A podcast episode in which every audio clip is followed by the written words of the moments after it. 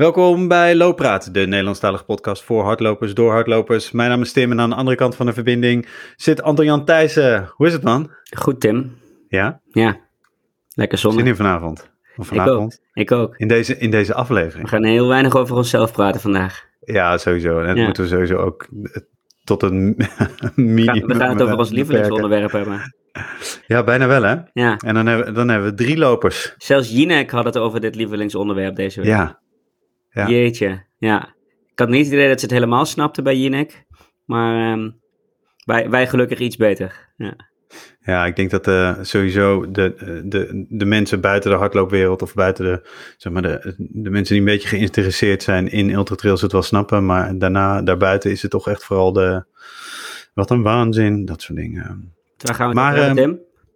Wat zeg je? Want waar gaan we het over hebben? Nou, ehm, wij eh, gaan het weer over de Barclays hebben. Ja. Eh, en dat doen wij vanavond met eh Hinke Schokker. Hallo. Dankjewel. Welkom Hinke. Welkom Hinke. Ja. Of eh, Hinke Schokker, zoals Kiet Dun eh, jou de eerste paar tweets Ja, noemde. vind ik wel grappig. Ja, dat gebeurt heel vaak, maar dat vind ik Ja. alleen maar grappig. Dus ik corrigeer hem ook niet. Hey, ehm, want ehm, we, beginnen, we beginnen bij lopen altijd gewoon eventjes. Hoe ben je begonnen met lopen? Eh, onze, onze basisvraag. Hoe ben je allemaal begonnen? Eh, ja, ja, ja, daar kan ik heel veel over vertellen. Maar ik ben best wel laat begonnen, na mijn dertigste sowieso. Dus ehm, ja, toen, ik was op dat moment mijn PhD aan het doen in Amsterdam. En ehm, ik had best wel een heel slechte conditie. En ik wilde mijn conditie iets opkrikken voor paardrijden. Want ik was dus wel aan paardrijden, maar dat, eh, ja, dat raakte ik altijd heel erg buiten adem. Dus ik dacht, nou ga ik gewoon proberen af en toe een beetje een stukje te lopen. En dat was dan ook eh, omdat op mijn werk hadden ze van die lunchloopjes. en daar, daar ben ik dan gewoon een beetje aan mee gaan doen. Ja. En dan, dan kom je erachter dat je ehm, er heel erg goed in bent. Eh, ja, dat duurde nog wel eventjes hoor. Want ik heb, ehm, ja, er was dus zeg maar op ons werk een weddenschap. van, Nou, ja, misschien eh, kunnen we de halve marathon van Amsterdam lopen. Dat was dan in 2015. En toen dacht ik van, oh leuk, waarom ook niet? Ja, ik had nog nooit, nooit echt verder dan vijf kilometer gelopen. Maar toen was ik uiteindelijk de enige die hem wel liep. En dat ging ja, wel redelijk goed. Dus eh, toen wist ik al wel dat, het wel, ja, dat ik misschien wel kon lopen. Maar ja, het was niet zo dat ik dat heel belangrijk vond. Dus ik ben daarna ook weer gestopt. En toen ik eh, naar Groningen verhuisde, toen eh, leerde ik mijn vriend kennen. En mijn vriend die is ook heel erg van het hardlopen. En toen ben ik er wat meer in gekomen. Dus dat. Met, dat, ja, met die waanzinnige eh, prestaties eh, als gevolg. Want eh, eh, laten we gewoon even. De, de- vorig jaar, ehm, volgens mij in september, liep, werd je Nederlands kampioen 100 kilometer. Je deed daar 8 uur en 13 minuten over en 24 seconden. Dat is eh 4,65 eh, 4,56 minuut per kilometer. Ja, dus eh, dat is echt Insane. een ongelooflijk goede, goede prestatie. Ja. Weet je, ik ben, ik ben gewoon heel erg benieuwd van hoe kom je van. Oh, nou, laat Vijf kilometer. vijf kilometer lopen naar 100 kilometer en een 24 uur wedstrijd waar, waarin je over de 200 kilometer loopt. Weet je, het is, het is echt waanzinnig goede loop. Ja, het is wel grappig trouwens dat je die 100 kilometer van afgelopen jaar noemt. Want dat was dus mijn alle, alle, alle, alle, alle slechtste 100 kilometer ooit. En dat was zeg maar na twee jaar dat ik niet meer gelopen heb. Dus dat was een beetje, ik moest een beetje Ja. uit een eh, gat komen. Maar daarvoor, toen ben ik, ja inderdaad, en dat komt eigenlijk ook door mijn vriend. Want die is heel erg van de Six Majors. Dat zijn van die eh, wereldmarathons. Die kan je dan achter elkaar lopen. Mhm. En dat doet hij. Dus via hem ben ik een beetje bij het marathonlopen gekomen. Ehm, ja, maar het, ja, ik, dit is een beetje een gek verhaal. Ik kan er ook niet echt een logisch verhaal van maken. Maar ik had mij dus ingeschreven voor Berlijn de marathon. Omdat mijn vriend daar ook heen ging. En toen eh, dacht ik van tevoren van nou, ik ga er echt heel goed voor trainen. En dan ga ik goed voorbereiden. Maar ja, dat was dus een beetje in het water gevallen. Dus toen dacht ik van nou, nou maakt het ook niet meer uit. Eh, en dan ga ik gewoon eh, de week van tevoren een eh, 100 kilometer lopen. Eigenlijk is dat een heel raar gedachte. Maar dat dacht ik toen. Ja, best hè. Want ja, ik was ook een beetje bang voor die afstand, zeg maar. De, gewoon een hele marathon. Dus toen dacht ik van, nou ja, als ik gewoon aan die 100 kilometer start, dat is nog langer dan een, dan een marathon. En misschien loop ik hem niet uit, maar als ik dan in ieder geval die marathonafstand kan afleggen, dan is, ben ik in ieder geval over die drempel heen, zeg maar. Maar het grappige was dus dat Ja. ik die wel uitliep. Dat eh, ja, was heel gek, want ik had nog nooit ja, echt verder gelopen dan een halve marathon. Ja, ik had één keer in 30 gelopen, twee keer in 30 gelopen. Maar ja, maar het was wel leuk, want die won ik dus ook. En eh, dat is zeg maar het moment dat, ehm, ja, dat mensen dat een beetje opviel, zeg maar. Maar dat was uiteindelijk ook achteraf gezien ja, niet zo'n goed moment. Want eh, daardoor ben ik denk ik gekozen door de dopingautoriteit om gecontroleerd te worden. Maar goed, het zit een heel verhaal. Ja, ja. Ja, want, Ja, je, had- want- je hebt daar een medicijn genomen wat, waarvan niet bekend was bij jou dat het op een dopinglijst stond. En toen ben je uiteindelijk geschorst, die heb je aangevochten. En eh, eh, de- de- een tijd mocht je niet lopen. Eh, ja, er, er zit wel heel veel achter nog. Ja. Dus het was, op dat moment wist ik inderdaad niet dat het op de lijst stond. Maar toen ben ik ook niet gecontroleerd. Maar in dat, in dat jaar daarna, toen ik steeds wat serieuzer ging hardlopen. En toen de twee weken voor de ehm windschoten het jaar daarna, toen heb ik gegoogeld. En toen kwam ik erachter van, oh, het staat. Dus toen dacht ik van, oh, eh, het is binnen wedstrijdsverband eh, verboden, maar daarbuiten niet. Dus dan heb, zit ik op zich veilig, want ik heb het nog nooit in wedstrijdsverband genomen.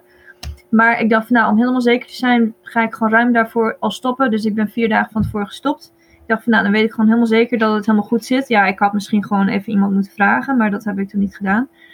Eh, maar het blijkt dus dat, ze die, eh, dat ik die regels blijkbaar verkeerd had geïnterpreteerd. Dus het is wel zo dat je buiten wedstrijdsverband mag je niet gebruiken. En, eh, of andersom, binnen wedstrijdsverband mag je niet gebruiken, buiten wedstrijdsverband wel. Maar als, je dan, als ze dan iets in je urine meten, ook al is dat in super lage concentraties, dan ben je als, alsnog gewoon schuldig. Ook al kunnen ze uit die concentraties makkelijk afleiden dat je het vier dagen van tevoren hebt ingenomen. En dat is in mijn geval, hebben, ze dat ook kunnen aantonen. Maar dan ben je alsnog schuldig, omdat zo de regels gewoon opgesteld zijn. Dus daar eh, ja, zit wel heel veel frustratie bij mij. Maar goed. Precies. Maar daar gaan we het vandaag ni- niet over hebben. Ik kan, eh, Exact. we, we kunnen wel eventueel in de show notes, eh, Tim, eh, mooi verhaal in de Runners World eh, van een tijdje geleden, waarin jij daar ook over vertelt, hè, over, die, over die periode, en met name ook de periode dat je niet kon lopen. Eh, ik, ben, ik ben wel benieuwd hoe jij jezelf dan daarna herpakt hebt. Ja. Dat was ook een vraag volgens mij van iemand, Tim. Ik Ja, heb hem even zeker. niet, ehm, Ik wel. Ehm, ik heb hem niet voor me, maar jij wel. Yes. Eh, dat was van David Klein. Oh, van David Klein, vaste Ja. vragensteller en vriend van de show. En wat was de vraag? Ik ga Ja, Tim nu zeg voorlezen. Nou, ik kan hem even. eh, wat voor impact, zeg maar, die hele periode op je, eh, op je heeft, eh, heeft gehad. Ehm, eh, en hoe ben je daar uitgekomen? Ja, Ja, en hoe ben je vooral een betere loper geworden? Ja, Ja. ja. ik ben helaas geen beter loper geworden. Ik ben alleen maar afgetakeld. En ja, het is best wel een treurig verhaal eigenlijk. ik heb mezelf nooit echt helemaal herpakt. Dus eh, ik weet niet of jullie dit in de show willen hebben, want dat is helemaal niet zo'n positief verhaal. Maar ik ben nooit echt weer helemaal ja, op, op het oude niveau gekomen. En ik vind ja, wat het met mij gedaan heeft. Ik, vind, ik merk gewoon elke keer als ik ehm, voor een wedstrijd wil inschrijven, dan kijk ik gewoon enorm tegenop om die wedstrijd te lopen. Terwijl voor die schorsing liep ik gewoon elk, elke weekend een wedstrijd. Omdat ik dat gewoon super leuk vond om te doen. En daar ligt ook wel een beetje ja, het probleem nu bij de trainingen. Want mijn trainingen bestonden eerst vooral uit die wedstrijden. Gewoon elke week een wedstrijd lopen. En dat is nu een beetje weggevallen. Dus ik heb best wel nog steeds heel erg motivatieproblemen. Maar goed, wie weet eh, verandert dat. Ik moet zeggen dat de Barkley wel echt een hele goede motivator was. Zeg maar, ja, niet om, ik heb daarvoor niet getraind, maar nu wel zeg maar dat ik denk van, oh, dat is wel echt iets waar ik voor wil trainen. Mooi Ja. Die een, je zelf soort, al. een soort eh, nieuwe stip op de horizon die, eh, die, die je daarmee Ja, het staat helemaal los Ja. van de atletiekwereld Ja. en los van die hele ellende. Het is gewoon iets heel anders en ook gewoon iets heel anders dan het lopen wat ik hiervoor deed. En ik, ja, ik vond het Veel leuker ook, toch? Eh, nou, ik ben, ja, het is wel leuker in die zin dat het Ja. veel afwisselender is. Maar het is misschien wat minder leuk in de zin dat ik eigenlijk niet zo goed ben in traillopen. Ik ben heel erg goed in uh, lopen. Van, eh, ik heb ook van die echte van die marathonspillenbenen. Helemaal geen spieren. Maar ja, misschien kan je er wel goed in worden. Dus dat wil ik wel gewoon proberen. Kijken hoe ver ik kan komen. Hey, maar dan begin je wel meteen met. ehm, hè, we kennen je, kennen je hoofdzakelijk. En het stond ook in het Instagram bericht toen we het aankondigden dat we jou in de show kregen. Dat je vooral eh, dat we je kenden op het asfalt. En dat, je, dat we je niet zo vaak zien op de trails. Eh, behalve dan misschien Koning van Spanje. Maar ehm, eh, dan kies je wel meteen een wedstrijd uit. Ja, dat klopt. Dat is wel, ja, echt niet- Ik zie nu ook een patroon trouwens van 5 naar 21 en van eh 30 naar 100. eh, dus ik, ik snap hem nu eigenlijk helemaal. En van 100 naar de Barclays. Ja. Super logisch. Ja. In de wereld van Hinken is dit ja, wel. ja, ja, het is helemaal niet logisch. Maar juist dat zeg maar, vind, ik zo, ja, vind ik gewoon super leuk. Het is voor mij gewoon helemaal niks om vier jaar lang ergens naartoe te trainen en dan gewoon stapje voor stapje rustig aan te doen zoals andere mensen misschien zouden doen. Maar ik vind het juist leuk om dan in één keer zoiets te gaan doen. Maar ik moet eerlijk zeggen dat ik dus zelf niet verwacht had dat ik, eh, ja, dat ik uitgekozen zou worden voor de Barkley. Want ik had het al wel een paar keer geprobeerd. Maar ja, ik bedoel, als ik mezelf, als ik de organisator zou zijn, eh, dan zou ik mezelf niet uitnodigen. zeg maar, niet in de, in de trainingstoestand waar ik nu in ben, zeg maar. Maar ehm, ja, dus dat was vooral heel erg een verbazing. En achteraf eh, denk je van, oh, had ik maar gewoon eh, fatsoenlijk getraind daarvoor. Maar op zich kan dat natuurlijk als, alsnog. Ik bedoel, het gebeurt wel vaker dat ze een, iemand van een vorig jaar nog, nog een keer uitnodigen. Dat je nog een keer een kans krijgt als je jezelf een beetje kan bewijzen. Uh, dus daar, daar hoop ik dan heel erg op. Ja, want de, uh, je gaf het al aan, je, dit was uh, niet de eerste keer dat je, um, dat je jezelf opgaf. Dat je zelf een soort van een, een brief schreef naar les. Um, wanneer was het de eerste keer? Um, ja, dat is dus alweer twee jaar geleden, denk ik. Ja, dat was. Dat was die corona-editie? Ja, volgens mij wel, ja. Maar die editie waar alleen de Amerikanen. Uh, nee, daarvoor nog trouwens. Of, daarvoor uh, ook nog. Daarvoor, ja, daarvoor. Oh ja, ja, ja. ja. ja. Maar toen kwam ik dus later achter okay. dat ik hem dus op het verkeerde moment had gestuurd. Want het is best wel lastig om te achterhalen ten eerste wie, naar wie ik moet opsturen, maar ook op welke datum je dat moet doen. Dus daar ging toen de mist mee in. Uh, maar toen heb ik het gewoon nog een keer geprobeerd en uh, ben ik in de tussentijd erachter gekomen op welke datum ik het dan wel moet doen. Ja, zonder uh, de. Weet je, ik vind dit. We hebben het heel veel over de Barclays. En wij. Um, kijk, de Barclays is voor mij deze die super mystieke soort van cult ultra-wedstrijd. En uh, de afgelopen jaren is, dat, is hij wel veel meer mainstream geworden. Dat komt natuurlijk ook door al die documentaires en hè, van de Ginger Runner en dat ding dat op, uh, op Netflix stond. Um, zonder die magie weg te nemen, wat zet je in zo'n brief? Hoe, want het, het is eigenlijk een soort van anti-sollicitatiebrief, toch? Ja. Of is het juist wel een sollicitatiebrief waarin je al je goede krachten zet? Ja, nee. en... Tim, Tim, Tim, Henke mag even nadenken over deze vraag. Ik ga even één seconde ingrijpen, want wij zijn meteen in de Barclay gedoken. Er bestaat een kans dat wij looppraatluisteraars hebben die helemaal niet weten waar we het over hebben. De Barclay Marathon, ik uh, bedoel, uh, Hinke loopt 100 kilometer uh, en nu hebben we het ineens over marathon. Nee, de Barclay Marathons is wat anders. Wij gaan dat nu niet uitleggen. Luister onze aflevering terug met uh, Mich, twee afleveringen terug met Mich, Mich Panhuizen, met Karel Sabbe of met Thomas Dunkerbeck. Dan weet je alles van de Barclay Marathon. En als je dat dan gedaan hebt, dan druk je weer op, uh, op start in deze aflevering. Sorry Henke, nu mag jij. Wat zet je in zo'n brief? Nou ja, nou ik moet zeggen dat, want ik heb natuurlijk ook met andere mensen gesproken toen ik op, bij de Barclay was. En volgens mij verschilt het wel heel erg wat iedereen erin zet. Dus sommige mensen die, die sommen gewoon op wat ze in hun in hun loopcarrière gedaan hebben en waarom ze dus geschikt zouden zijn. Dus iemand had erin gezet dat hij, uh, nou, dat hij heel erg doelgericht is en dat hij altijd het beste wil en dat hij zichzelf graag uittest. Maar ja, dat zijn gewoon een beetje standaard dingen. Maar ja, hij was wel op de Barclay, dus blijkbaar was dat goed. En wat heb ik erin gezet? Ja, ik, heb ik vond het best wel een slecht verhaal. Ik had er gewoon uh, opgeschreven. Dus ik had zeg maar, voordat ik um, die brief schreef, had ik nog op een andere manier geprobeerd um, bij de Barclay te komen. Want er is namelijk één andere manier waarop je dat kan doen. En dat is uh, via een backyard ultra. Dus als je de allerbeste van de wereld wordt Mhm. met backyard ultras, dan ben je sowieso toe. Die ook georganiseerd Ja, wordt door Les. precies. hè? Dus ik denk dat er ook een soort van promotiemanier is van hem. En eh, dus ik dacht van ja, ik ga, ik ga gewoon een backyard lopen, kijken hoe ver ik kom. Ehm, en toen heb ik de Great Dane gelopen. En dat mislukte natuurlijk volledig, want dat was net maar net na die twee jaar schorsing. Dus ik was helemaal ongetraind. Dus ik werd daar iets van derde of zo. En, ehm, maar ik heb dat dan, zeg maar, ik heb dat wel in die brief genoemd. Van nou ja, dat ik überhaupt op het idee kwam om zomaar vanuit het niks, terwijl ik helemaal niet getraind heb. Dat ik denk dat ik de allerbeste kan worden met backyard. Dat is eigenlijk misschien wel de mentaliteit die je nodig hebt voor de, voor de Barclay. dus dat is totaal, ja, totaal onlogisch om zoiets te zeggen. Maar blijkbaar was dat goed genoeg om uitgenodigd te worden. Mhm, mhm. Ja, en ehm, ik zie een patroon, zeg maar, die, eh, bij die eerste marathon. Dat was eh, vanwege allemaal omstandigheden niet zo goed kunnen trainen. Ehm, en nu dus, ehm, weet je, voor die, voor die, eh, die Great Dane, dus ook weer. Ehm, en dan ga je naar Barkley toe, want daar moet je maar over vertellen van hoe ging dat proces, zeg maar. Je hebt die brief verstuurd en dan krijg je een brief terug? krijg je, ja, krijg je een e-mail? Wat, hoe, een fax? Ja, dat wist het dus een beetje voor de mensen die eh, meteen op de startlijst komen. Die krijgen dan echt een goede con- condolencebrief. En de mensen die op de wachtlijst komen, dus dat was ik. eh, die krijgen eerst een ehm, brief van, nou ja, eh, je bent op de wachtlijst. En, en vervolgens krijg je dan een brief dat je uitgenodigd wordt. Ja. Eh, maar En begin... Ja. Sorry, ja, en over dat patroon. ehm, ja, er is wel een soort van echt heel duidelijke harde scheidslijn tussen voor de schorsing en na de schorsing. Dus voor de schorsing had ik wel ook dat ik gewoon niet goed getraind was. Maar dat was wel een ander soort ongetraindheid dan wat ik nu heb. Dus toen had ik gewoon dat ik wel elke week een wedstrijd liep. Dus eigenlijk achteraf gezien was ik toen veel beter getraind dan ik nu ben. Maar goed, dat er zijn. Ja.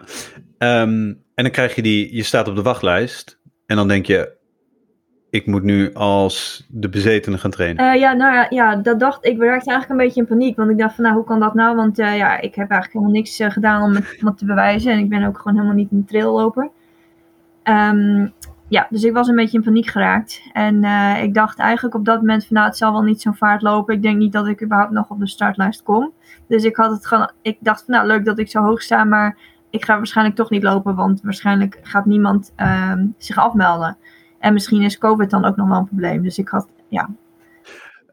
En eh, sorry dat ik je onderbreek. Ho- eh, hoor je ook ho- hoe hoog je op de startlijst staat en hoe lang die startlijst Eh, is? ja, dus de startlijst, of de, nee, de startlijst, daar zitten, staan gewoon 40 mensen op. En de wachtlijst is dan 50 mensen en ik stond dan vijfde. En dat was wel gek, want ik stond dus maar één plek Oh. onder de Jamil Curry. Dat is zeg maar iemand die volgens mij best wel bekend Ja. is. Ja, Dus dat was zeker. Meerdere keren Ja, Barclays. dus dat was wel een beetje onverwacht. En eh, ja, daar schrok ik wel een beetje van. Maar ik had dus voor mezelf gedacht, nou ja, dat gaat hem toch niet worden, want COVID zal nog wel een probleem zijn. En eh, niemand gaat zich afmelden. Maar ja, dat bleek dus in januari of zo, bleek dat dus niet zo te zijn. Want toen kreeg ik uiteindelijk de echte uitnodiging. En toen, Ja, want qua timings, ja, sorry hoor, eh, ik blijf je onderbreken, maar je verstuurt die brief, dat is dan ergens, dat is in, Kan mag ik niet 20. Nee, Nee. oké, nee, goed zo, goed zo, goed. goed zo. In het najaar. Ehm, maar qua Maar- in januari hoorde je dat je mocht. ja, precies. Dus dat, oké, ja, en dan hoor je dan ook al meteen van, je moet dan en dan in Frozen Head State Park zijn? Of? Ehm, volgens mij wel, ja. ja, ja. Maar dat mag je dan niet. Ja, wel, ehm, Niet sorry, maar mis- Nee, dan mag je dat Nee. niet zeggen. Hè? Nee. Nee, misschien is dit ook wel goed om voor de luisteraars. Ehm, het is dus hè, voor de deelnemers en de mensen die op de wachtlijst staan, die, het is dus ook een heel mysterieus. Ze behoren het ook niet te delen. Nee, en als je dat hè? ja. Dat is ook iets. Want eh, wordt dat aangegeven? Uh, nee, dus dat is eigenlijk best wel een beetje het gekke. Uh, want er zijn dus heel veel ongeschreven regels. En als je die breekt, dan word je waarschijnlijk nooit meer uitgenodigd. Maar je weet het dus in feite niet. Dus uh, dat is wel een beetje lastig. Uh, en er zijn dus ook wel mensen die het wel deden. Maar de datum delen, dat heb ik nog niet eerder meegemaakt. Maar er zijn wel een aantal mensen die dat dan wel op social media delen dat ze meedoen. En eigenlijk is dat ook niet de bedoeling. Nee, nee. Nee, en, en volgens mij is het wat anders dat je het tegen een paar mensen zegt en dat je het met je training op een of andere manier laat doorschemeren. Zeker als je al eens een keer eerder meegemaakt hebt. Ik bedoel, je ziet ook sommige mensen die, die delen al hun trainingen en dan zie je op een gegeven moment wel van oké, okay, nu heb ik wel het vermoeden waar uh, hij of zij voor mm -hmm. het trainen is.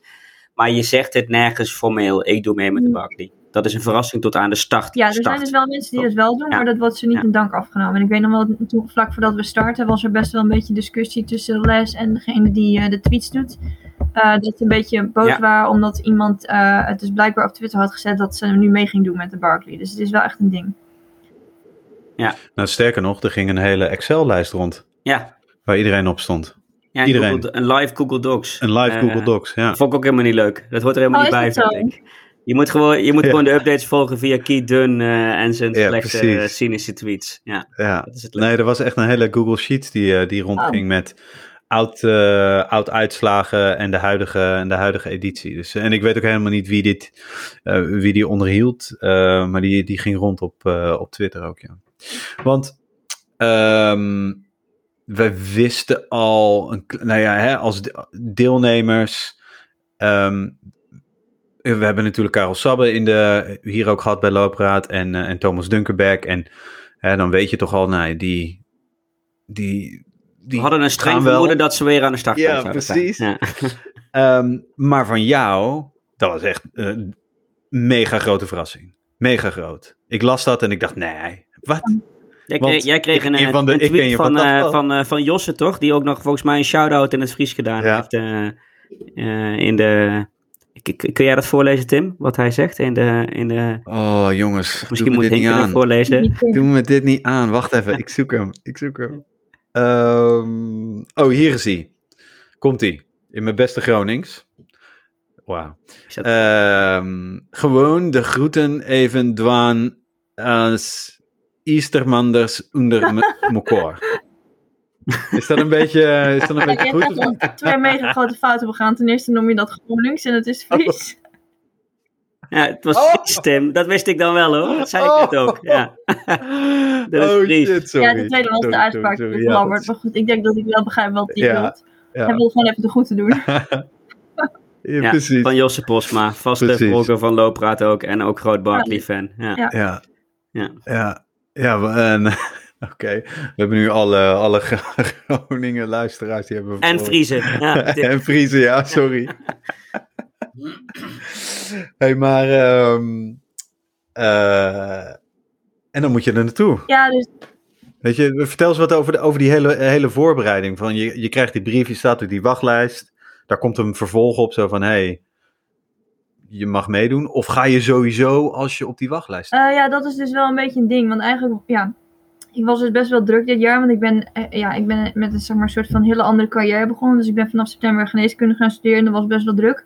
Dus eigenlijk kwam het in alle opzichten niet zo heel goed uit. Maar, ehm, maar ja, als je op die wachtlijst staat dan, en je gaat je dan afmelden, dan eh, is de kans best wel kleiner dat je dan nog een keertje uitgenodigd wordt. Dus als je op die wachtlijst staat, dan eh, ga je jezelf niet meer zo heel snel afmelden. En ja, ik zat er wel een beetje mee in mijn maag. Want ik dacht, ja, er zijn heel veel mensen die gewoon heel erg goed getraind hebben. En die het veel meer verdienen dan ik om mee te doen.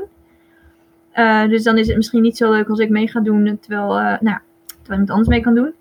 Eh, maar dat heb ik uiteindelijk ook nog aan Les voorgelegd. Van ja, wat kan ik nou doen? Want ik ben niet zo getraind. En ik kreeg op het laatste moment ook nog corona. Dus het was echt nou ja, een en al niet handig.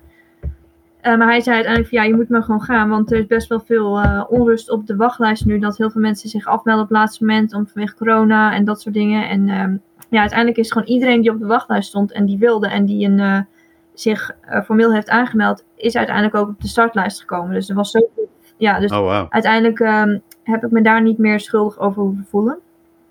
Ehm, ja.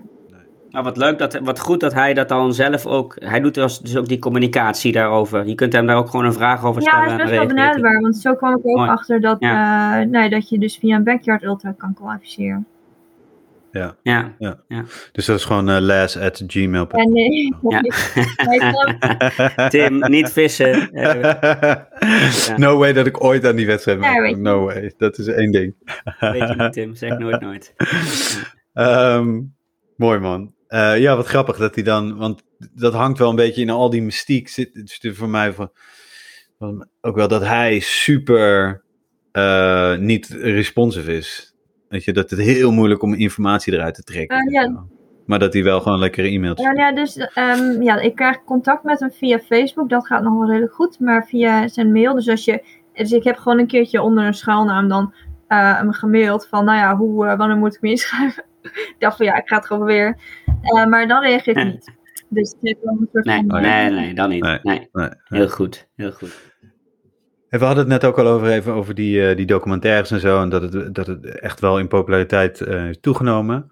Eh, ben je die allemaal gaan kijken? Ja, ik heb Boeken lezen en ja, dat soort maar ja, dat wel. En iedereen denkt natuurlijk van, oh Henk die heeft gewoon een Netflix documentaire gezien en die denkt van, oh ik ga gewoon even meedoen.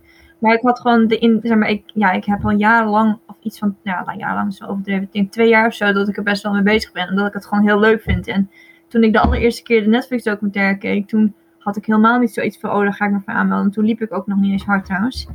Maar ik heb wel alles gezien en ook alles gelezen en alle podcasts geluisterd. En dat helpt je uiteindelijk ook wel om eh, te achterhalen hoe je je moet aanmelden. Dus ik denk dat voor de echt goede lopers, die best wel een goede kans maken, dat die die moeite niet hoeven te doen. Want die krijgen vaak de informatie al gegeven door iemand. Eh, maar de rest Ja. moet het wel gewoon uitzoeken. Dus, en dat, het is wel te doen. Dat is natuurlijk ook wel een beetje het onderdeel van, het, eh, van de Barclays. Vind ik, weet je, het, het unieke aan die, aan die hele wedstrijd Ja, natuurlijk. precies. Dat je dat echt helemaal moet gaan uitzoeken en doen. En, eh, en dat, dat vertelt dan ook meteen een beetje over je, over je drive.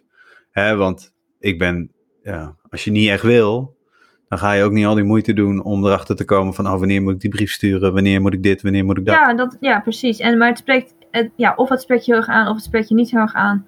En het is denk ik, Ja. zeg maar, voor heel veel mensen die er wel aan mee willen doen, is het gewoon juist dat super onhaalbare en super lastige. Dat is juist wat het zo interessant maakt. En eh, ja, gewoon het feit dat je denkt van nou, eh, niemand kan het halen, maar misschien, misschien toch wel. Dat, dat maakt het juist zo leuk.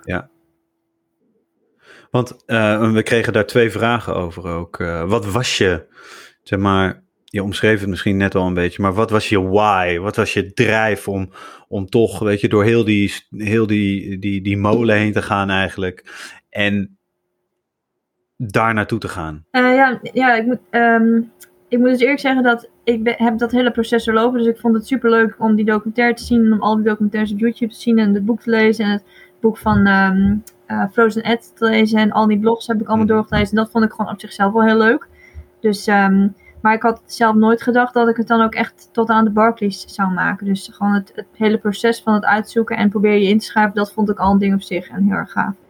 Uh, maar waarom ik dan uiteindelijk wel aan de Barclays mee ben gaan doen en waarom ik graag nog een keertje het beter zou willen doen, is omdat het gewoon zoiets onbruikbaars is. Dus het is zo'n, het, ja, het is zo, zo ontzettend lastig en uh, dat maakt het juist zo interessant dat het iets totaal onhaalbaars is, maar dat je dat daarom juist gaat proberen. Ik, ja, ik weet niet zo goed hoe ik het anders praat.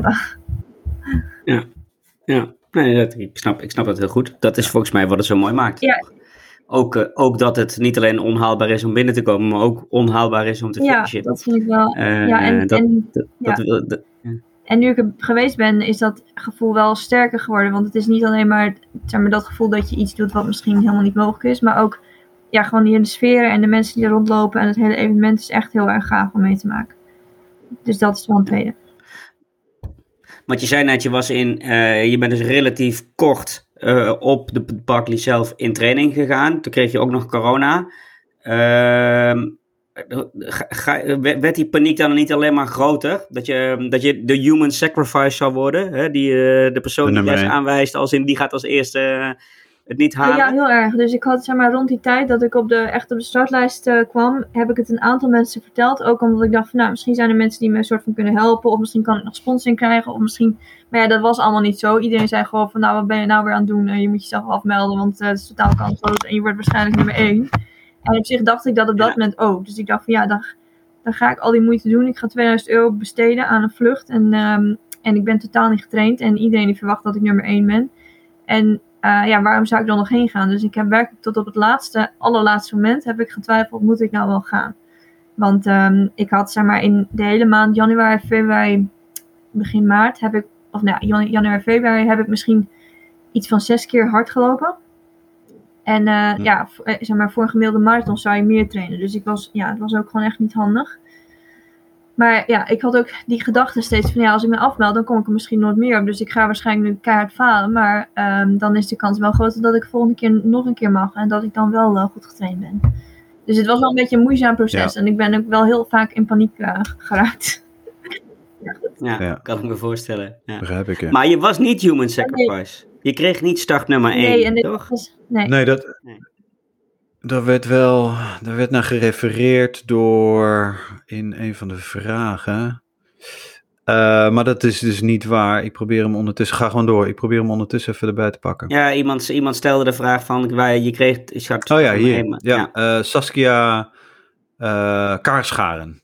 Dus Saskia, dat is niet zo. zo nee, en dat is dus blijkbaar op forums nee. rondgegaan. En ik zag dus ook van iemand een reactie die zei van, nou, wat, wat doet zij daar nou weer? Ze heeft helemaal niks te zoeken. En um, zij hoort daar niet en Marijn die hoort daar wel. Nou ja, het klopt inderdaad wel dat Marijn er natuurlijk wel wat te zoeken had en ook Thomas. Maar ja, ik vond dat wel een beetje een onaardige reactie. Want ik denk van ja, ik wil, ja, dat is toch gewoon onaardig om te zeggen. Ja, ja nee, zeker. Maar um, even, en hier bedoel ik verder niks mee, maar begrijp je dat er zo'n reactie wordt geplaatst met jouw achtergrond? Uh, in de, op, de, op de weg? Uh, op het asfalt? Nou ja, zeg maar, de, uh, de opmerking dat ik human sacrifice ben, dat, dat snap ik eigenlijk wel een beetje. Dat dacht ik namelijk zelf ook. En dat ik er, maar dat ik er niks te zoeken heb, ja. Op zich is dat natuurlijk wel zo, maar ik vind het gewoon heel onaardig om dat zo te zeggen. Ik bedoel, het voelt een beetje alsof je iemand gaat buitensluiten of zo. En dat vind ik, ja, vind ik een beetje ongemakkelijk. Het, het is ook super onaardig, weet je. Dat, dat, maar ik denk dat we dat uh, over het algemeen wel, uh, wel, uh, wel zien en niet alleen bij dit soort dingen. Um, maar ik, be ik, begrijp wel dat zo'n opmerking wordt geplaatst van gezien de, de achtergrond van jou, vooral op de weg ja, en ja. eigenlijk nooit op de trail. En dan ga je opeens, hè, we hadden het er net al over, het is echt van, je gaat van 100 kilometer asfalt naar de fucking Barkley. Ja, dat klopt. het is compleet anders. Ja, dat is, ja, dat is ook wel zo. En eigenlijk is dat ook echt, ja, best wel een slechte achtergrond voor om de Barkley te gaan lopen. En dat is ook wel grappig, want dat had ook eh, Les in zijn race prediction gezet. Dat eh, ik er te laat achter kwam dat eh Marathon van Berlijn en de Barkley Marathon in verschillende realiteiten gehouden worden. Ja, want ik, ik las dat in je. Je hebt, het, ehm, ehm, je hebt een uitgebreid raceverslag geschreven op je blog. We zullen er ook in de, in de show notes naar, eh, eh, naar linken. En we wachten Dat nog het- met smart op deel 2 nog van lang die blog af, maar er, is wel- Ja. er valt zoveel te het zeggen dat ik, Ja. ja, niet Ja. ja. afmaken. Ja. Want eh, vertel daar eens over, over wat ehm, eh, die race prediction. Ik kende dat Ik- niet. Dat is, dat is ik kende nieuw dat ook niet, dus het was echt, nou, ik zat daar dus zeg maar tegenover Les en eh, nou, hij vertelde dus eerst dat ik niet nummer 1 was, dus toen werd ik gewoon helemaal emotioneel. Ik dacht van, oh, hoe kan dat nou? En toen kwam hij dus met zo'n papiertje en toen begon hij echt eh, super, nou, een beetje te glimlachen, want dat vindt hij blijkbaar super leuk om te doen, om die race predictions zo voor te lezen. En eh, daar staat dus voor Ja, ja. iedereen staat Ja. genoemd ja, wat, wat hij verwacht. En het is eigenlijk voor iedereen negatief, dus iedereen gaat falen. Maar het is wel, heel, het is wel een beetje een persoonlijk verhaal. En dat vond ik wel heel erg leuk. Dat hij blijkbaar van al die lopers had uitgezocht. Eh, Weet hij eh, wa- wat de Ja, achtergrond is ja, en die heb ik dergelijke. allemaal Ja. Maar mooi. ze zijn wel echt Ja. super grappig om te lezen. Ja. Dus bijvoorbeeld voor Courtney stond erbij dat ze, dat ze in ronde 1 of 2 ging uitvallen. Omdat haar teennagel pijn deed. Dus ja, dat soort ja. Klopt wel, ze ging in ronde 2 eruit. Ja, Ja.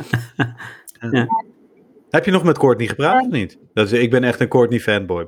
ja, en, ja dus dat was Eh. zeg maar nog een reden dat ik dacht van nou ik ga gewoon heen, fuck it, het maakt mij niet uit hoe slecht ik ga presteren. Want er zijn allemaal Ja. mensen die, nou, die gewoon heel goed zijn. Dat is al, alleen al heel leuk om daarmee te kunnen praten. Eh, dus ik ben wel naar haar toe gelopen. Ik overviel haar denk ik een beetje, maar ik heb haar gewoon een handtekening gevraagd. En toen, eh, niet dat ik haar handtekening wil hebben, maar ik dacht ik wil gewoon even contact leggen, zeg maar. En ehm, toen heb ik gevraagd eh, wat, eh, wat, ze, wat haar doel was. En ze zei dat ze gewoon door wilde gaan. En ehm, ja, dus dat. En toen was ze weg. Is, zo iemand, is zo iemand als Courtney een voorbeeld voor je? Eh, nou, in een aantal opzichten wel, een aantal andere opzichten niet. Dus het is natuurlijk wel, volgens mij is ze de beste ultraloopster van de wereld. Dus in dat opzicht is ze wel Ja, ehm, een voorbeeld. En ze lacht altijd. Eh, Ja. ja. ik weet, ja, voel het, het ziet een beetje uit als een neplach, maar ze is inderdaad wel. Ja. En, Ja. ehm, Maar in een ander opzicht is ze niet echt se een voorbeeld voor mij. Want ze zegt bijvoorbeeld altijd dat ze in haar paincave gaat zitten. En dat ze die paincave dan groter maakt. Mhm. En dat, ja, dat, daar heb ik gewoon echt helemaal niks mee. Ik denk, ja, hardlopen, dat is in principe leuk. En daar moet je niet heel veel pijn voor gaan leiden. En eh, ja, dus, dat, dus daar haak ik een beetje af. Ja. Maar verder ben ik wel heel erg fan van haar. Ja, ja, ja. Courtney de Walter is het trouwens. Eh, ik zal in de show notes en eh, eh, zij is eigenlijk een van de weinige dames die eh, al in een soort van basketball shorts hardloopt en niet van die korte broekjes. Eh, en nu heeft ze met Salomon samen met eh, François Dehaene eh, een, een goede documentaire daarover gemaakt. Volgens mij heet het Long Shorts of zo. Ik zal het in de show notes zetten. Ehm, ja, gaaf man. En dan, want je, je krijgt dus al hier in Nederland krijg je al best wel veel negatieve feedback op die, op die fora en zo. Daar moet je sowieso nooit meer op, op kijken. Maar, ehm, weet je, maar ook van mensen in je omgeving van, joh, moet je dit wel Ja, en op zich snap ik dat ook wel hoor. Dus mijn, mijn vriend die zei van ja, je moet je gewoon afmelden, want eh, je hebt nog niet eens genoeg, je kan niet eens een marathon lopen op dit moment. En dat was ook wel echt zo. En mijn ouders die, ja, die zeiden een beetje hetzelfde. Die eh, vonden dat gewoon echt waanzin. En eh, die waren ook bang dat ik mezelf helemaal stuk ging lopen, maar dat doe ik gewoon niet. Dus ja, dat maakte wel ook dat ik, dat ik nog extra ging twijfelen.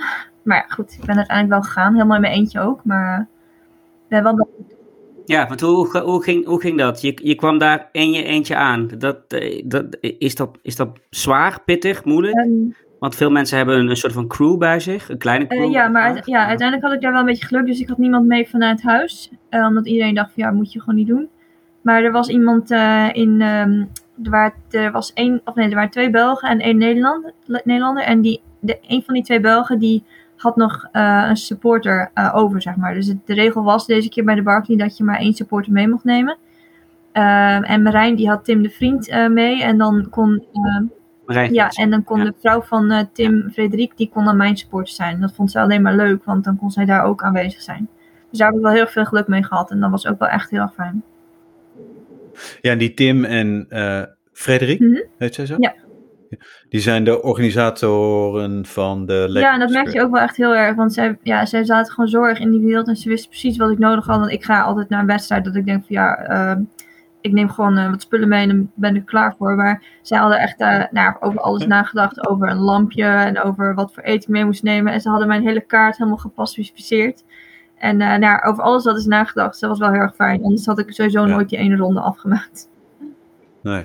Maar ehm, even advocaat van de duivel, hè, want je bent hier al een paar jaar mee bezig. Dan dit soort, di- dan dit soort dingen, die zijn dan toch best, eh, ja, dat, dat weet je dan toch? Of is dat dan is dat niet zo? Is dat dan van een outsider, weet je, beste stuurlui staan een wal? eh? Ehm, nou ja, dat is inderdaad wel een goed punt. Dan zou je dat soort dingen moeten weten. Maar op zich, die documentaires, die vertellen niet wat je, ja, hoe je moet voorbereiden, wat je allemaal nodig hebt. En dat is meer een beetje de mooie, mooie kant ervan. Of de mooie kant, maar Mhm, niet echt over mhm. wat, hoe je gaat voorbereiden. En Nee. ehm, ja, en ik had dus bijvoorbeeld ook nog nooit met trailstok gelopen. Dat is ook nog wel een ding. De dag voordat, voordat Ja. ik ging vliegen heb ik nog vlucht twee eh trailstokken gehuurd bij eh Steenbok Sport. En ehm, ja, op zich is het wel, Ja. maar ik weet nu wel beter wat er, eh, ja, Vroegen ze wat je ermee ging doen. ja, nee, ik had dus, ja, ik, Want ik weet niet of je dan had mogen huren. ik weet niet of je ze dan had nou, mogen ja, huren. het als je dat gezegd hoor, had. dus ik heb Ja. gezegd, eh, en ik heb Ja, ze volledig oké. afgeracht weer teruggegeven, maar vond het prima. Ja. Goed verhaal toch? Dat je zei, nee, ik ga ze gebruiken voor de Barclays. Ja. Tuurlijk, Rinke, tuurlijk. Hij reageerde wel een beetje inderdaad. Hij had nooit gedacht dat ik het ook echt ging doen.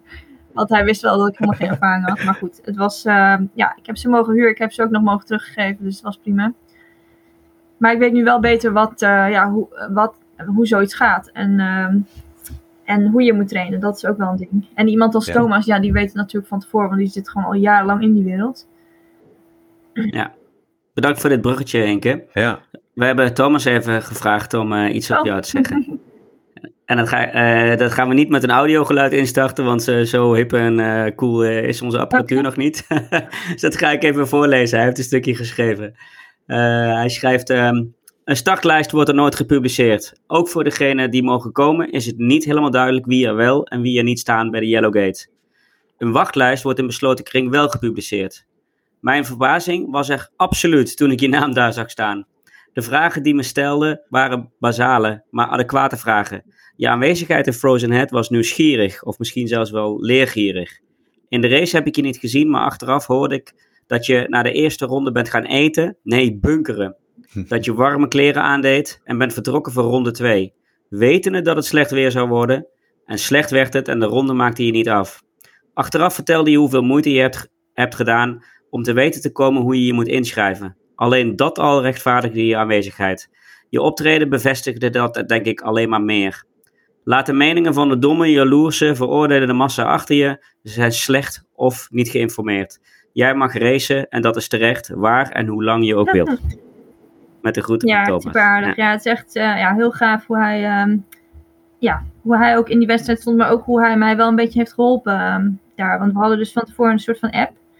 En ik had dus gedeeld Ja. wat andere mensen over mij zeiden. En ja, hij zei meteen van daar moet je niks meer aantrekken en gewoon gaan. En eh, ja, het is wel heel fijn als je zo iemand eh, daar ook Ja. hebt. Ja. Ja, Ja, want jij zeker. zat dus eigenlijk in, soort in, de, in het kamp van, eh, van, de Bel- van de Belgen, zeg maar. Maar je, je, je, je, je trekt wel naar elkaar toe, neem ik aan. Ook als Nederlanders en als Ja, Belgen. zeker. En we hadden dus van tevoren een app. eh, ja. Dus daar via de app eh, leerde ik ze al een beetje kennen. En toen was hij ook al heel erg motiverend. En dat is gewoon wel echt heel erg fijn, want dat was tot nu toe eigenlijk niemand geweest. En ehm, ja, en toen we daar waren, hebben we ook wel een keertjes met elkaar gelopen. En dat was ook wel heel leuk. Want ik kende hem dus eigenlijk van tevoren helemaal niet. Ik wist niet eens eh, ja, wie hij was. Maar het blijkt dus echt een super goede loper te zijn. En ook eh, echt heel goed met navigeren. Dus dat is wel heel leuk. Yep.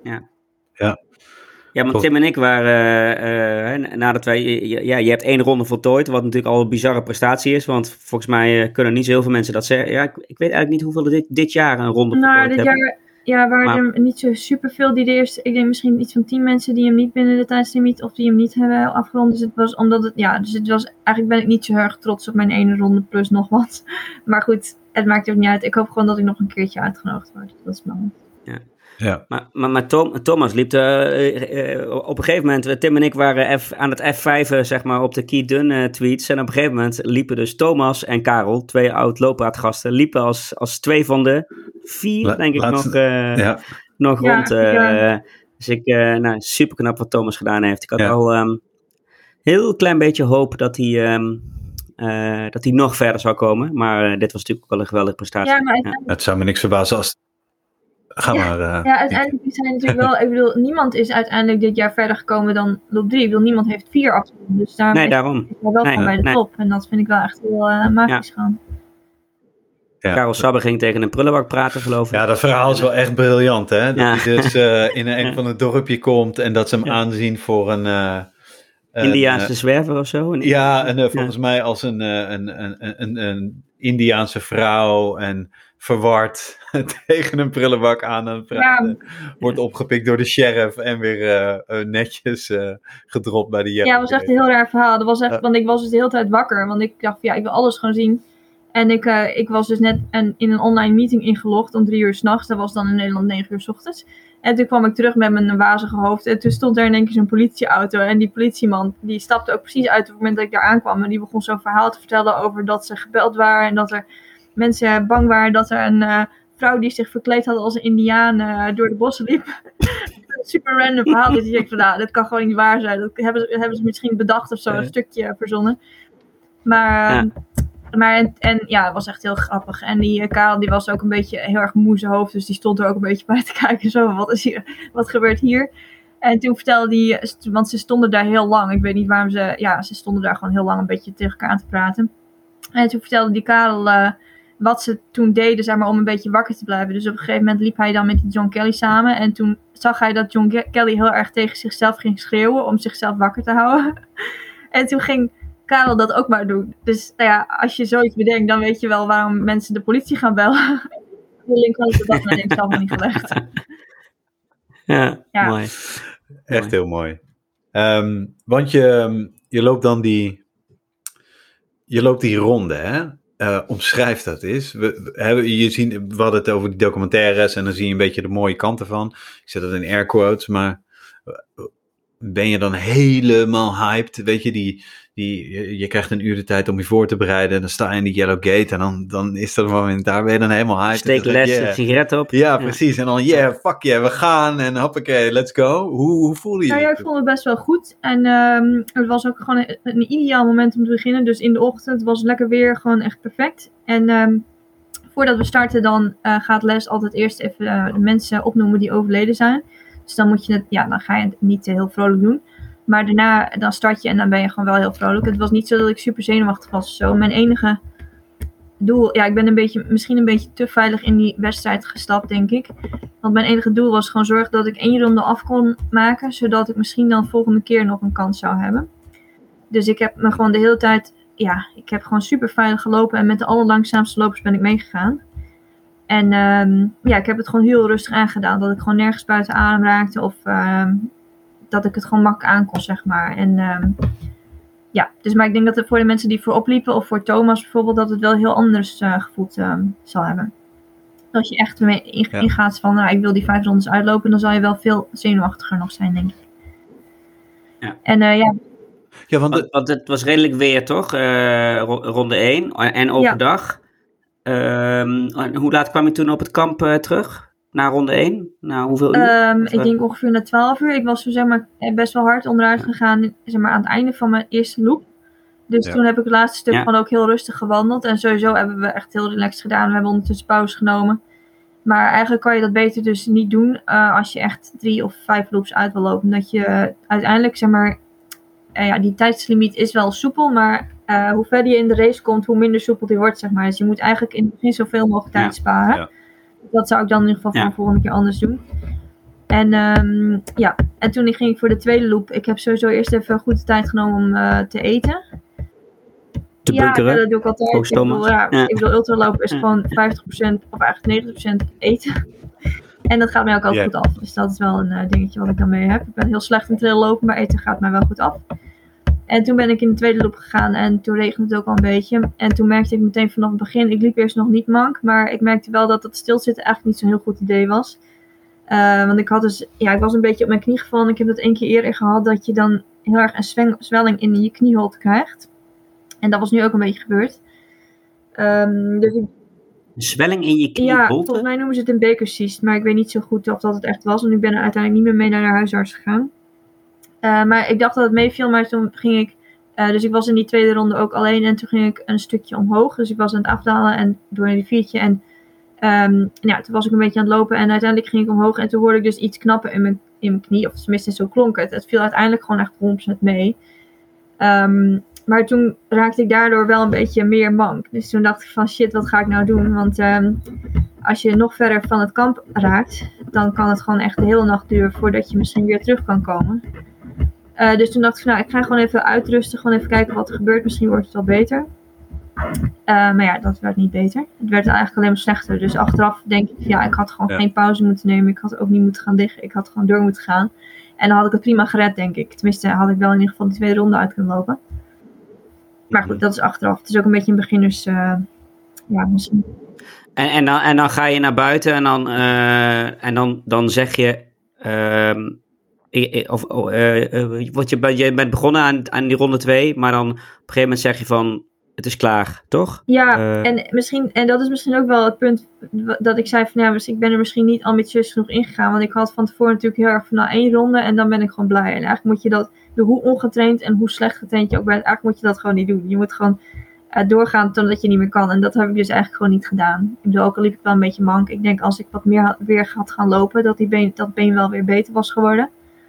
Dus dat eh, ja, vind ik achteraf wel jammer. En ik, Je had in die pain cave van eh, Courtney moeten Sorry? Ja, precies. Eh, je had in die pain cave van Ja, dat Courtney moeten Ja, je Ik had, nee, maar dat, ja, dat geloof ik sowieso niet. Ik onzin. Maar ik, bedoel, ik had helemaal niet zoveel pijn. Ik had helemaal niet zoveel pijn. Nee. Dus het was niet dat ik daar lag te creperen of zo. Echt absoluut niet. Maar ik dacht meer van ja, Nee. ik loop mank. En stel dat ik straks helemaal niet kan lopen. En dan vries ik misschien wel dood. Maar ja, dat is natuurlijk niet zo. Want ik bedoel, het is Ja. gewoon niet koud genoeg om echt dood te gaan van de kou. Dus, dus eh, ja, Mhm. achteraf had ik gewoon door moeten gaan. En ehm, heb ik gewoon te voorzichtig gelopen. En ik had ook veel meer geleerd als ik gewoon in mijn eentje door was gegaan. En in mijn eentje die boek had geprobeerd te zoeken.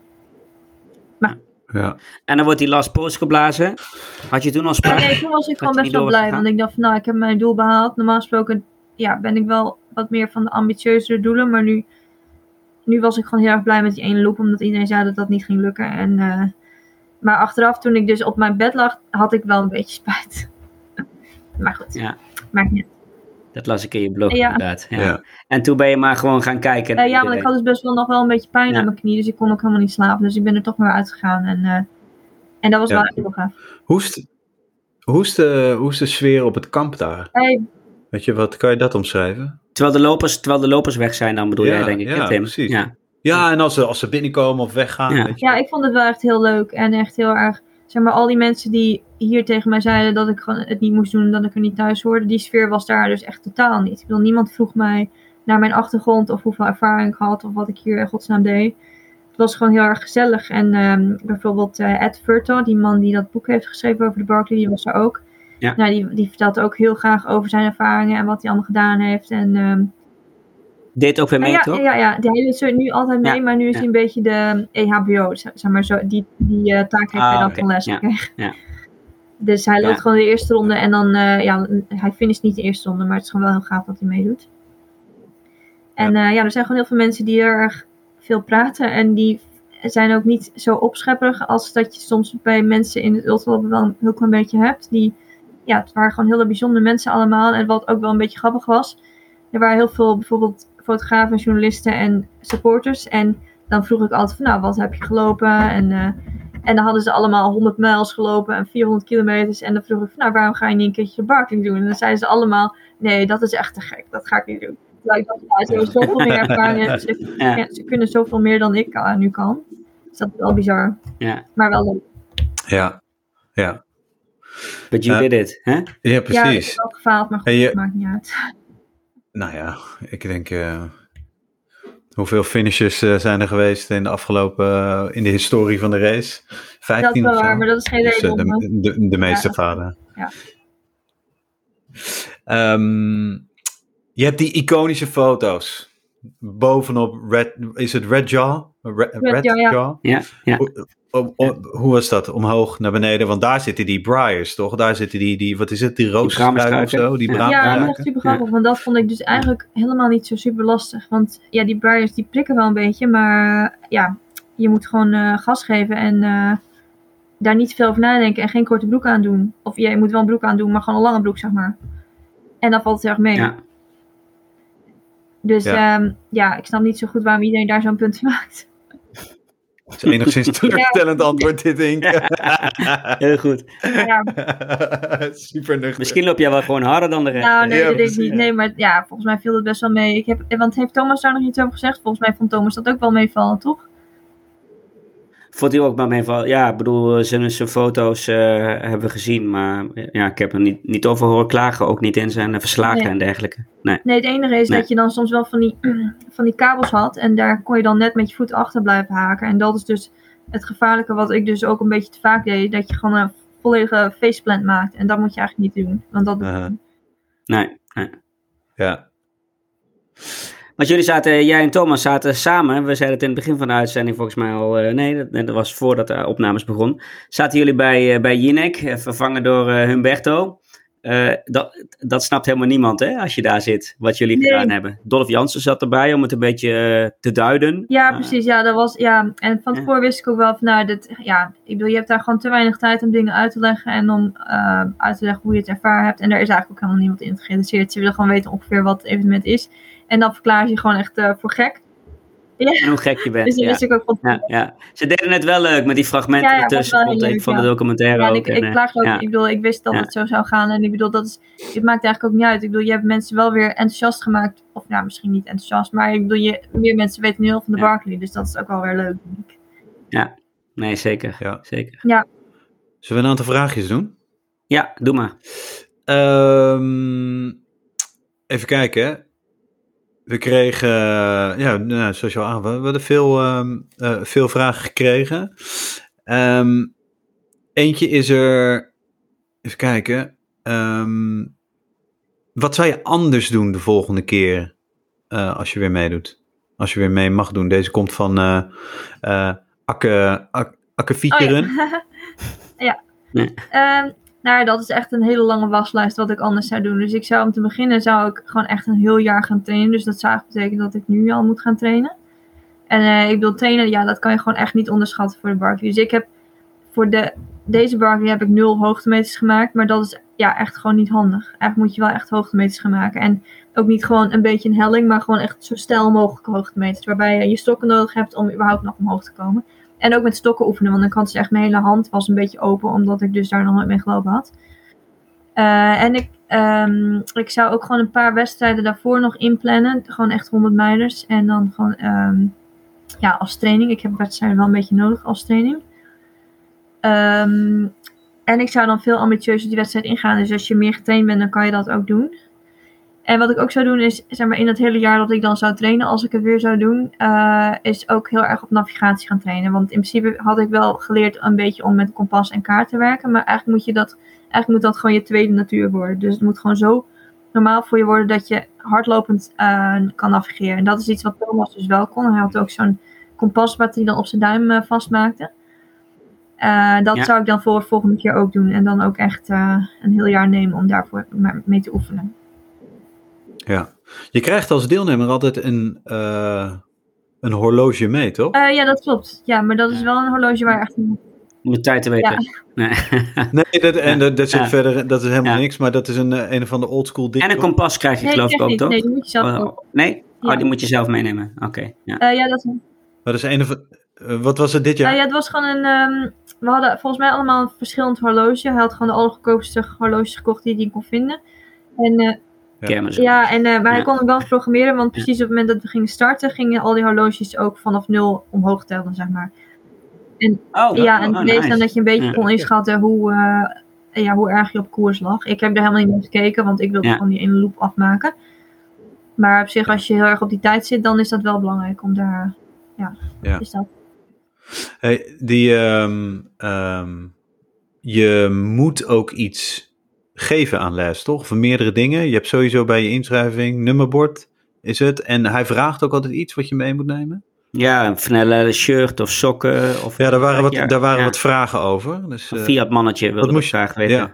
wat moest je dit, eh, dit jaar meenemen? Voor? En ja, ja, dat is dus wel iets wat voor mij ook een beetje onduidelijk was. Want eh, er zijn dus een hele hoop ongeschreven regels. En dit is dan een van die ongeschreven regels. Hij zegt het ook helemaal nergens. Dus dan moet je maar een beetje raden wat je moet doen. Maar ehm, ehm, eh, ik wist dat zeg maar, als je een virgin bent, dan moet je alleen maar een nummerbord meenemen. En, en als je dan Ah, eh ver, verder gevorderd bent, of noem je dat, veteran, dan eh, moet je iets anders meenemen. Volgens mij is dat af en toe inderdaad een shirt, en, maar dat kan ook elk jaar weer anders zijn. Oh ja. Oké, dus jij hoeft alleen een nummerbord van een Ja, auto Ja, maar dat is ook nog best wel lastig. Dus voor de mensen die nu luisteren en die ooit denken van, oh, ik ga lekker de Barkley lopen.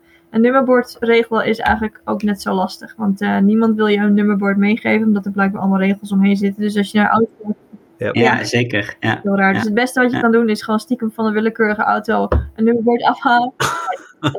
Of, eh, ja, of je hebt er nog eentje liggen. En in dit geval, mijn oom, die had nog eentje liggen. Dus dat was een probleem. Oh ja. Kijk. Nou, er hangen dus nu drie Nederlandse nummerborden in die hele... Tenminste, jij bent denk ik de derde nog maar die meedoet hoor, na Meg. en, Ja. Nederlander. Ja, dus ik En ben wel heel erg Ja. benieuwd hoe dat volgend jaar gaat Ja. zijn. eh, of er nog meer Nederlanders. Ik, ja, ik, kan me, ik heb al met best wel veel mensen gesproken die nu ook in één keer mee willen doen. Dus dat is echt best wel erg leuk. Hmm. Behalve dan dat het mijn kans om nog een keer mee te doen eh kleiner maakt. Maar goed.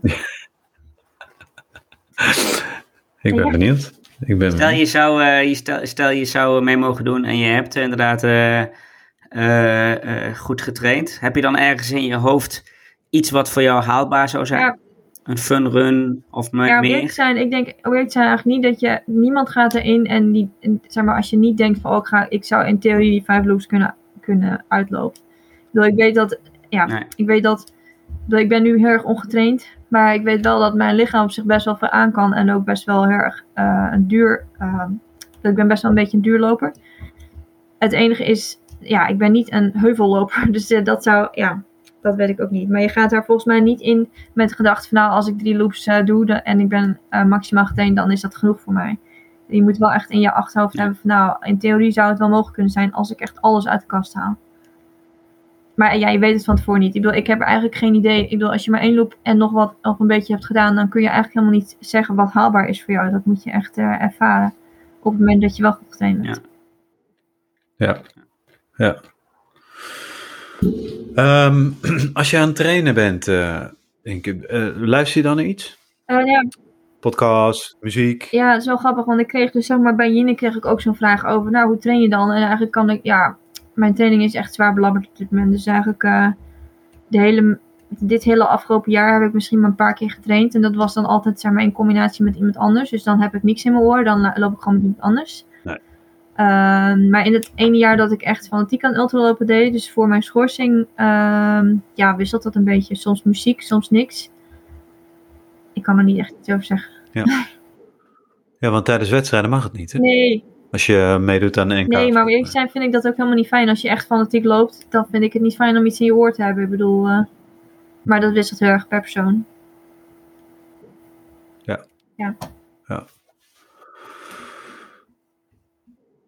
Ehm, de, nog een vraag van eh, Erwin van Zandvliet. Eh, wat eet je voor zulke wedstrijden in de voorbereiding? Ah ja, dan moet ik ook toch even naar dat ene jaar dat ik aan ultralopen deed voor mijn schorsing gaan. Want in dit, zeg maar, na die schorsing heb ik gewoon niks meer echt gedaan waarvoor ik echt een goede voorbereiding had. Eh, en toen had ik gewoon zoveel mogelijk. Dat is eigenlijk, ja, alles wat ik doe. Dus toen ik, ik weet nog wel, toen ik mijn eerste 100 kilometer liep, had ik zeg maar gegoogeld van tevoren van nou, wat moet je doen als je ultralopers, eh, als je een ultraloper bent. En toen had ik gevonden dat zolang je maar gewoon genoeg eten in je mond blijft schuiven, kan het gewoon nooit misgaan. En eigenlijk is dat ook wel En je het binnen kunt ja, houden. dat, ja. Ja. ook dat. Maar is dat ja. ook gewoon echt de hele sleutel van het ultralopen. En het helpt natuurlijk wel als je een beetje getraind bent, dat je niet heel erg snel verzuring hebt. Maar eigenlijk is het hele eier eten Mhm. ultralopen gewoon eten, eten, nog meer eten. Mooi gezegd. Eten. Ja. Ehm, Dat zou ik dan weer niet doen, dan word ik het beste. Ja. En niet, Ja. zijn, er nog dingen die je wel heel graag Ja. eet? Eh, ja, voor een wedstrijd eet ik gewoon. eh, ja, ik, ik, er zijn heel veel dingen die ik graag eet. Ik hou van chocola, ik hou van tat, ik hou van ehm, heel veel vette dingen. Maar voor de wedstrijd moet je eigenlijk gewoon niet te veel vet eten. Want daar krijg je de volgende dag wel last van. Dus dan eet ik gewoon heel veel pasta. Of pannenkoeken. Ja. En tijdens de wedstrijd? Eh, tijdens de wedstrijd, als het zeg maar een rustige loop is, zoals nu met de Barkley, dan eh, neem ik gewoon alle lekkere dingen mee. Dus bijvoorbeeld, ik had nu Cliff Bars mee, maar ik neem ook vaak spekjes mee en drop. Gewoon alles wat ik echt lekker vind. Eh, maar als ik dan een, een soort van snelle wedstrijd heb, dus een 100 kilometer, dan eet ik wel gels. Maar die vind ik eigenlijk niet te hachelen. Dus die eet ik gewoon het liefst zo weinig mogelijk. Ja. Ja.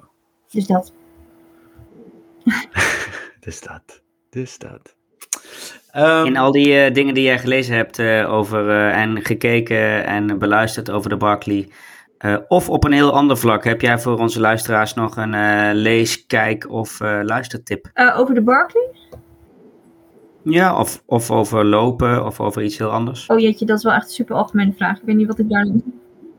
Nou, Doe dan maar over de Barkley.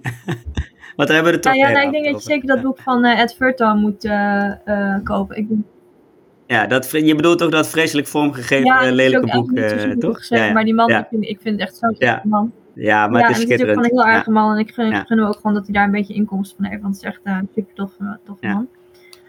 Eh, dus dat zou ik lezen. En het is ook gewoon nuttig om te lezen. En verder, ja, ik denk dat de blogs van John Kelly wel nuttig zijn. Dus als je echt serieus overweegt om Ja. eh, daar iets mee Ja. te doen. En je kan hem Tim, die moet je even in de show notes zetten. Die zijn echt een feest. Ja. Ja. En hij is ook heel Ja. benaderbaar, dus als je iets wil weten. Dus ja, ik vind dat ik niks mag zeggen over de Barkley. Als, als ik als Virgin zeg maar, het hele concept ga verprutsen, dan zou ik me wel een beetje schuldig voelen. Dus ga mij niet mailen om te vragen hoe je binnen moet komen. Maar misschien kan je John Kelly mailen. Zo, probleem is. dat vind ik mooi. Of, eh, of Mick Panhuizen, die heeft ook Ja, ook maar over die geeft er niet toch? heel veel Die, eh, informatie. die- Ik had hem wel. Nee, I know. Nee, nee, nee. Overigens, eh, wij hadden het al verteld in de, in de Vriend van de Show aflevering die we gemaakt hadden. Maar eh, ook even voor de reguliere aflevering. eh, het boek van eh Mich, eh, begreep ik, eh, gaat ook in het Engels Ah, oké. Nou, dat Dus, zal eh, Ed Furton wel heel leuk vinden, Die- want die wilde heel graag dat boek lezen. Ja, ja, hij had hem geloof ik al Ah. opgestuurd naar hem. Maar eh, hij had hem niet zo heel goed Nee. kunnen lezen inderdaad. Dat eh, had ik ook Ja, begrepen. leuk. Ja. Ehm, wij ehm, eh, hebben, nou ja, naast de rubrieken die we net al hadden gedaan, hebben we ook nog een, eh, eh, de favoriete gadget. Ga je, ehm, eh, als je gaat trainen, wat neem je dan altijd mee? Ehm, nou ja, ja, dat is een heel saai antwoord. Maar ik neem altijd mijn telefoon mee, omdat ik best wel vaak de neiging heb om echt compleet te verdwalen en nooit meer de weg terug te vinden. Dus dat is wel makkelijk. Dat is lastig als je mee gaat doen aan de bar. Ja, ja, dat is wel waar. Maar dat is, ja, dat is toch wel. Ja, ik denk dat je, zeg maar, ook als je echt. Ik vind het echt heerlijk. Nog, nog nooit niet getraind. Verdwalen zonder telefoon. Ik bedoel, herkenbaar. Eh, ik verdwaal nog met Garmin. Ehm, ja, top. Maar, eh, en dan navigeer je met je telefoon. Ja, nou, nee, Eh, zo komt het meestal niet. Is meestal dan als ik dan echt, eh, ja, echt keihard verdwaald ben en het is al donker en het regent, dan ga ik gewoon iemand bellen om op te halen.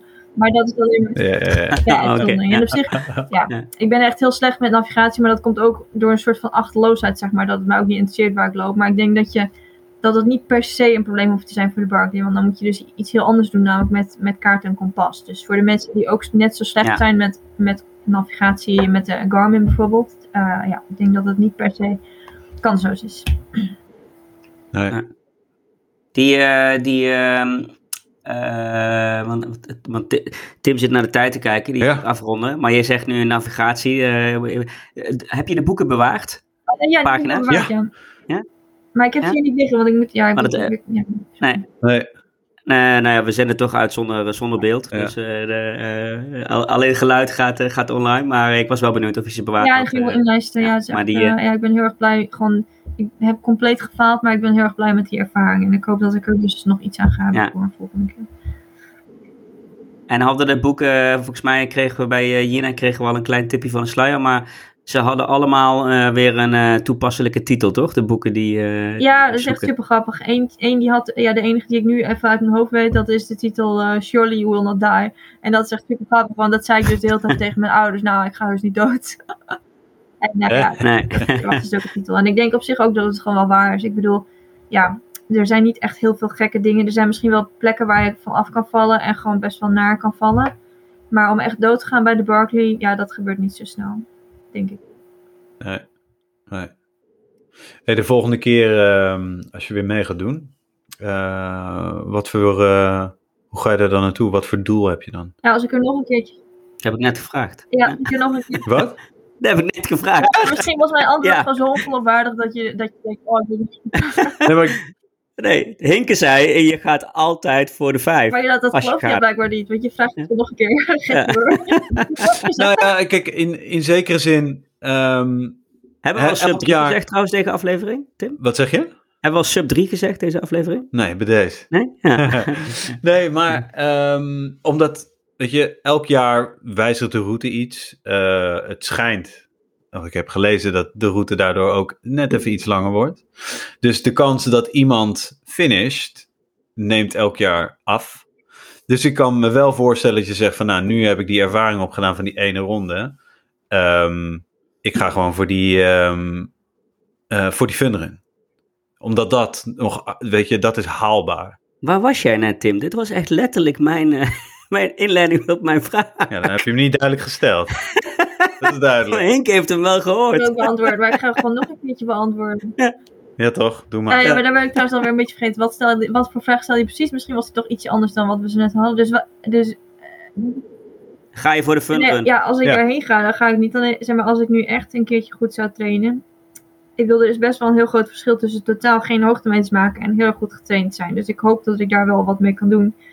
Ehm, maar ja, je weet natuurlijk nooit of je het uitgaat. Ik bedoel, de meeste mensen haalt het niet, dus dan moet je ook realistisch zijn. En ik denk dat je er ook wel een beetje een ontspannenheid in moet hebben, zeg maar. Dat je weet van, nou ja, dat je niet je helemaal blind staart op het uitlopen, uitlopen, uitlopen. En ik denk dat het ook wel goed is dat je dan ook, dat je niet Barkley als het enige doel hebt, zeg maar. Dus dat probeer ik nu ook wel even voor mezelf te bedenken van, ja, wat zou ik dan nog meer om de Barkley heen? Ten eerste omdat ik niet weet of ik nog een keertje mag. En maar ten tweede ook om het een beetje ontspannen te houden voor jezelf. Dat je niet je helemaal blind staart daarop. Dat je het nog wel een beetje leuk houdt. Mhm.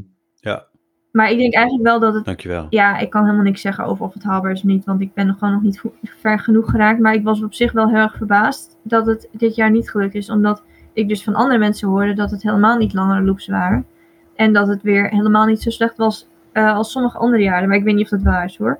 En terwijl je zoveel goede lopers had. Dus ik, ja, ik was er zelf wel een beetje verbaasd over. Maar ik kan dus nog niet echt helemaal zeggen waarom dat nou zo is. Omdat ik dus gewoon nog niet ver genoeg ben eh, gekomen. Nee, nee ik, eh, ik, zat, eh, ik had ook wel verwacht dat eh, Karel het zou gaan halen. En Thomas Ja, maar ik had ook gedacht dat Ja. Jasmine, maar Jasmine die Ja. heeft het wel, ja, zij was natuurlijk een virgin, dus ik heb oprecht wel heel erg veel hoop. Ik zou het gewoon heel erg gaaf vinden als een vrouw het gaat finishen en ik denk dat dat ook wel mogelijk zou moeten zijn. is nog niet En gebeurd, nee, denk ik, hè, de historie. En dat is ook best wel Nee, een beetje, nee. dus dat is, volgens mij was ook een van de vragen waarom het dan nu zo vroeg was. Maar ik denk dus zelf dat het te maken Ja, heeft met eh, ja. International Women's Day. Dus dat was 8 maart, de startdag van de Barclay. Ah. Ah, kijk. En er waren ook relatief veel vrouwen. Eh, Ik denk het wel. Ja, wel een minderheid, maar wel, Ja. rel- ja, wel relatief veel, denk ik inderdaad. Ja. En dat, ik denk dat, Ah, dat eh, Les ook wel gewoon heel graag een vrouw wil zien finishen. Maar ik denk dat het feit dat zij een funrun heeft gedaan, dat helpt ook wel heel erg. Dat, uh, Ja. Dan schrijft zij in ieder geval de vrouwen nog niet helemaal Ja. af. Dus eh, Ja. ja, en ik hoop gewoon dat zij het volgend jaar Ja. ook helemaal gaat halen. Dat zou echt fantastisch zijn. Ja, ja zeker. Ehm, nou, Anton zei het net al. Ehm, we moeten een beetje gaan afronden. We zitten al dik over het uur. Ehm, we hebben altijd een laatste vraag aan onze, aan al onze gasten die we stellen. Dat is de Loop je niet kapot tip. Ehm, wat zou jij aan onze ehm, eh, luisteraars willen meegeven waardoor ze ehm, altijd kunnen blijven hardlopen? Een hele leven lang. Met plezier. Ja, nou, Ja. ja, de eerste looptip, maar dat is dan misschien een beetje persoonlijk. Gewoon niet geschorst worden, want dat, dat zaakt je hele... Don't get suspended. ja, dat is Ja. gewoon echt funest gewoon. Ik ben er nog steeds niet. Ik ben nog steeds in een trainingsinpas waar ik uit probeer te komen. Maar goed, dat is waarschijnlijk voor de meeste mensen niet zo heel erg eh, toepasselijk. Eh, maar eh, ja, ik zou gewoon je helemaal niks aantrekken van die hele pain cave van Courtney de Walter. Want hardlopen, ik vind dat het gewoon leuk moet zijn. En dat je niet, zeg maar, pijn zou echt niet de essentie moeten zijn. En ik denk eigenlijk dat dat in de Berkeley, hoewel dat wel altijd zo genoemd wordt. Ik denk dat de meeste lopers die daar lopen, ja, niet per se naar pijn op zoek zijn. Of dat als hun hele essentie van het lopen hebben. Dus eigenlijk, ja, zoek je pain cave niet op, blijf er lekker uit. En, eh, en loop gewoon ehm, zolang het goed voelt. En ik bedoel, je mag af en toe wel ergens doorheen bijten, maar als het, ja, dat zou niet de hele essentie van het lopen moeten zijn. En goed blijven eten, altijd blijven eten. Nee. Ja. Ja. Ja, Mooi. zeker. Mooi. Ehm, toch nog een korte vraag.